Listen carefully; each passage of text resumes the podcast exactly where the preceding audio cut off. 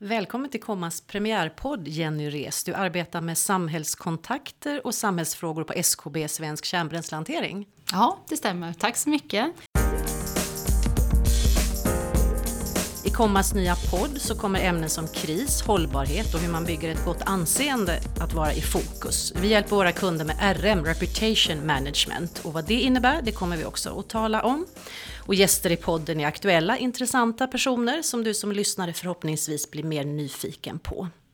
Ja, Jenny, du har precis avslutat ett lunchseminarium om hur man bygger förtroende för 100 000 år.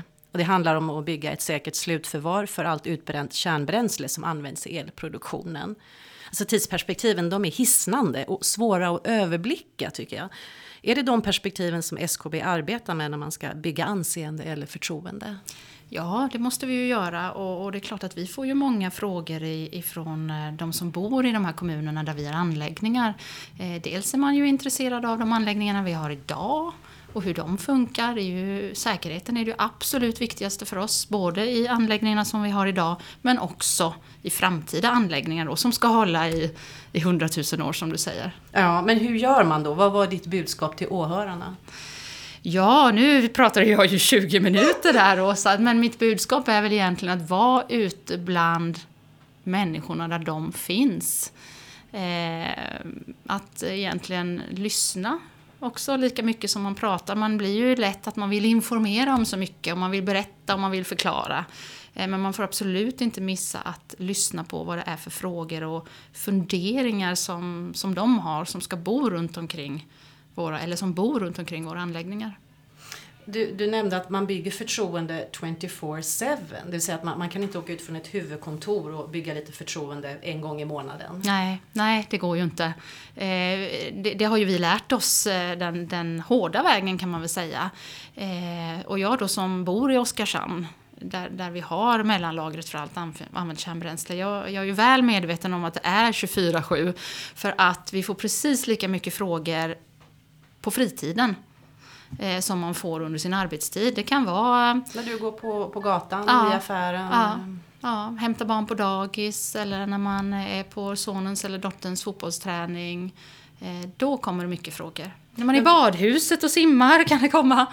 Men vad betyder det att du har den förankringen ändå på plats? Ja, men den är ju jätteviktig. Precis som du säger där, man, man kan inte åka från, är min bedömning i alla fall, eh, från ett ställe in på ett annat och, och, och en gång i månaden till exempel då. Utan mm. nej, jag, jag tror det är bra att man är på plats, verkligen. Hur, hur mäter ni förtroendet för er? Ja, vi mäter en gång om året i en opinionsundersökning.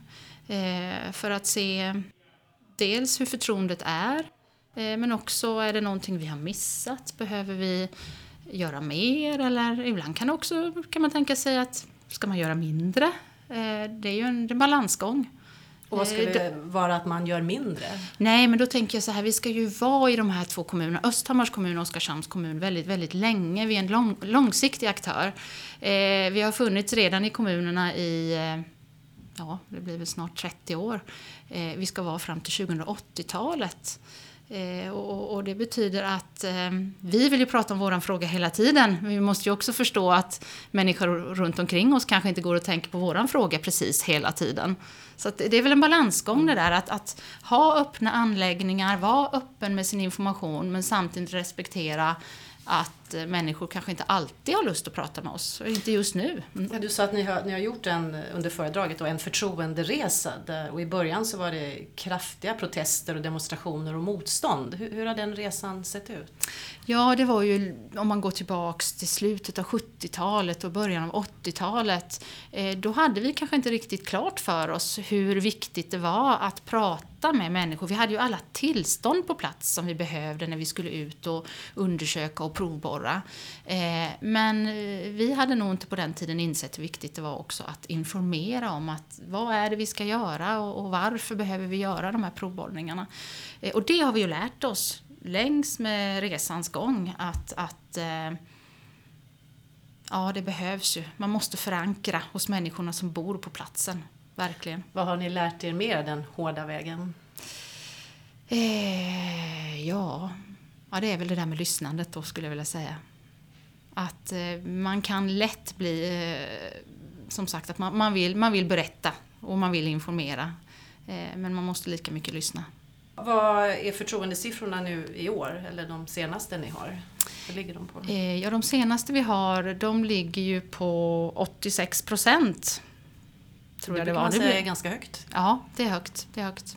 Och vi har legat stabilt de, de sista åren, men nu tycker inte jag siffran i sig så. Visst, det är högt och man har ju någonting att jämföra med, men men eh, ja, siffran i sig kanske inte är det allra viktigaste för oss utan det är ju mer att vi, att vi har relationen med, med människorna på platsen.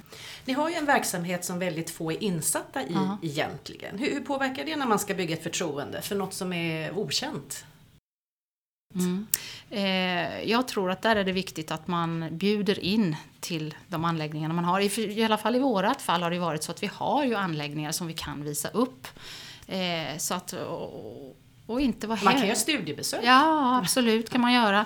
Eh, komma till oss och, och, faktiskt se själv, besöka våra anläggningar. Hur spontant kan man vara där? Ja, man kan ju inte bara dyka upp, det går tyvärr inte då. Utan man måste ni för... tänker på säkerhet? Ja, precis. Man måste föranmäla sig.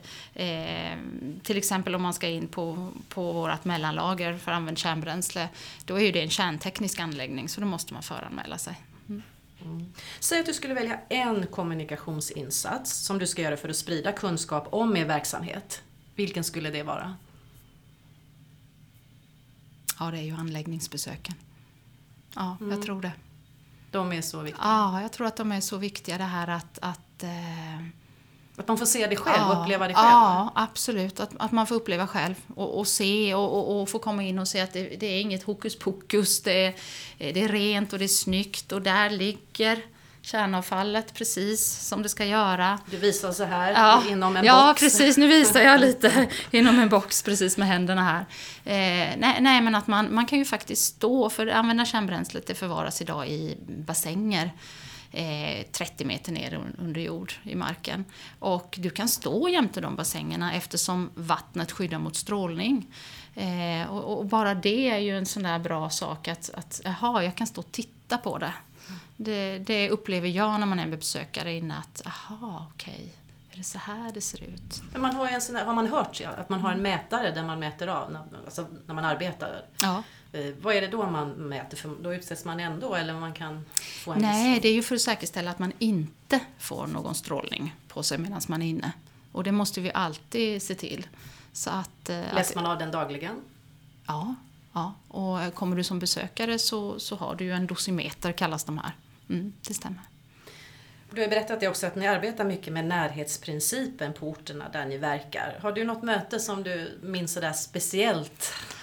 Ja, det, jag har ju många fantastiska möten eh, med många diskussioner. Men, men, det är klart att eh, när jag började på SKB, det är många år sedan nu, det är 20 år sedan, eh, så var det precis i det skedet då eh, vi tog besökare från Malå och Storuman som var förstudiekommuner, vi gjorde förstudier där och bussade ner dem hela vägen till Oskarshamn för att de skulle få uppleva och se våra anläggningar då. Eh, och, och, som sagt, då hade jag precis börjat på SKB.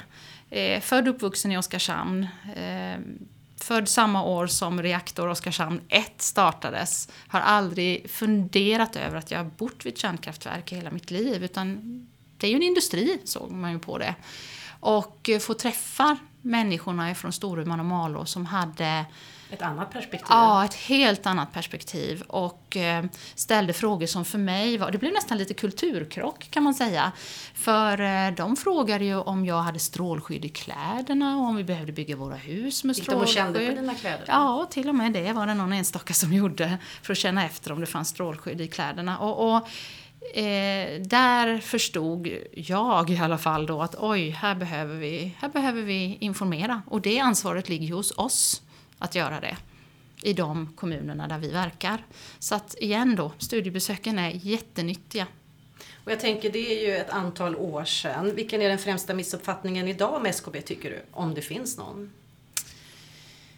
Eh, missuppfattning vet jag inte om det, om, om, jag, om det finns, men, men jag skulle nog vilja säga att vi kan aldrig sluta eller slå oss till ro och tänka att nu har vi informerat tillräckligt här. eller nu är vi färdiga. Utan det kommer ju, det flyttar ju nya människor i de här kommunerna. Eh, vi får nya politiker. Eh, vi får nya vuxna om man säger så. För det föds ju eh, flera barn. Och om man tänker, jag har hållit på i 20 år nu. Eh, om det föddes någon när jag började på SKB så är den 20 år idag. Och röstberättigad och ung vuxen. Så att det fylls ju hela tiden på med nya människor som vi behöver prata med. Det är lång tid mm. som du har arbetat på SKB, över 20 år. Mm. Jag känner att vi, vi har ett tema här, långa mm. tidsperspektiv. Ja, ja. 100 000 år och 20 år. Vad är det som hållit dig kvar? Det är ju alla de här fantastiska mötena och det är att det är sån bredd på vår verksamhet. Vi pratar ju om teknikutveckling, det är frågan om forskning, det är miljöfrågor, det är politik, det är samhälle. Eh, det blir aldrig tråkigt. Och sen det viktiga uppdraget naturligtvis också. Att, att eh, det är ett otroligt viktigt uppdrag vi har. Att ta hand om eh, allt använt kärnbränsle och radioaktivt avfall från de svenska reaktorerna. Och det, det, ja, det är roligt att jobba, utmanande att jobba med de frågorna. Hur kom det sig att du började inom kärnbränsleområdet? Ja, det var en ren... Eh, jag halkade in på ett bananskal. Eh, jag är ju född och uppvuxen i Oskarshamn, eh, där vi har anläggningar. Men bodde på västkusten i några år och sen började jag fundera på om jag skulle flytta hem igen och då var det min pappa som ringde en dag och sa att nu Jenny, har jag sett en annons i tidningen. De söker en informatör på SKB. Och på den vägen blev det. På den vägen blev mm. det. Om du blickar framåt, vad, vad, ser du är under den här förtroenderesan? Vad ser du de närmaste utmaningarna är? Ja, nu behöver ju vi politiska beslut här. Eh, vi har ju forskat och jobbat med teknikutveckling i, många, många år. Vi var igenom en huvudförhandling i höstas. Eh, både Mark och miljödomstolen och Strålsäkerhetsmyndigheten har yttrat sig till regeringen. Så nu ligger frågan hos Miljödepartementet. Eh, och vi behöver dels en tillåtlighet från regeringen och vi behöver också att de kommunerna Östhammar och Oskarshamn eh, yttrar sig i frågan. Och hur kan ni förbereda er när det gäller just anseende eller förtroendearbetet kring det här och förhålla er till det? Eh, ja, om vi till exempel pratar om platserna här så, så eh, pratar vi ju naturligtvis mycket med de lokala politikerna så att de känner att de är väl informerade och att de är trygga med våra anläggningar som vi har och de som vi kommer, som vi ansökt om att få bygga. Man pratar ju mycket om transparens idag, vad tycker du om det? Det är ett väldigt tjusigt ord. Eh, det är väldigt lätt att säga att man ska vara transparent, det är väldigt lätt att tro att man är det. Eh, men man, man ska tänka till. Eh, för det, det, är otroligt viktigt också. Det är det. Och det gäller att inte bara prata om det, utan det gäller att vara det med. Att vara transparent. Har du något ytterligare som du vill ge till lyssnarna när det gäller just förtroendearbete och anseende? Frågan. Uff, nu blir jag nästan så här, ja, jag har ju hur mycket som helst, vad ska jag välja? ja, det har jag, och vad ska jag välja? Eh, nej, men eh, närheten igen, närheten till, eh, till, eh, till befolkningen så att säga, där, där man har sin verksamhet och att alltid Men om man inte har, om man har svårt att få den närheten eller förankringen, hur kan man göra då? Ja, men man får väl vara lite finurlig, tänker jag då. Och man får väl fråga också. Eh, för det har vi gjort flera gånger. Vi, vi, har ju inte alltid haft alla svar. Utan ibland får man ju fråga, hur vill, hur, hur vill ni ha det? Eh, till exempel de här markägarna som vi hade när vi skulle göra platsundersökningar. Vi skulle ju vara på deras mark låna deras mark. Och det är klart att nu kan inte vi bara bullra in där utan eller ramla in. Utan man får ju fråga hur, hur, hur vill du ha din, hur vill du att vi ska stämma av? En del vill kanske ha besök, andra vill ha ett brev, någon annan vill ha ett mejl. Eh, ja, så att eh, i allra värsta fall som sagt fråga. De inte som du farligt vill... att fråga? Nej, det är det inte. Och det är heller inte farligt tycker jag att man inte har alla svaren direkt. Utan eh, vi har ju faktiskt gjort en del utredningar eh, som kommer kommer upp i, under diskussioner med, eh, eh, med kommunerna. Det är frågor som vi kanske inte har kunnat svara på. Nej, men då får vi ju titta på den frågan då. Till exempel en fråga som kom under platsundersökningstiden. Ja, men hur kommer våra huspriser att, eh, att eh, påverkas? Kommer det bli negativt eller kommer det bli positivt om vi får ett slutförvar till vår kommun? Hur kommer våran image och identitet, eller ja framförallt image då, hur kommer den att påverkas? Så att eh, vi har gjort en väldig massa utredningar eftersom vi satt ju inte på alla svaren från början.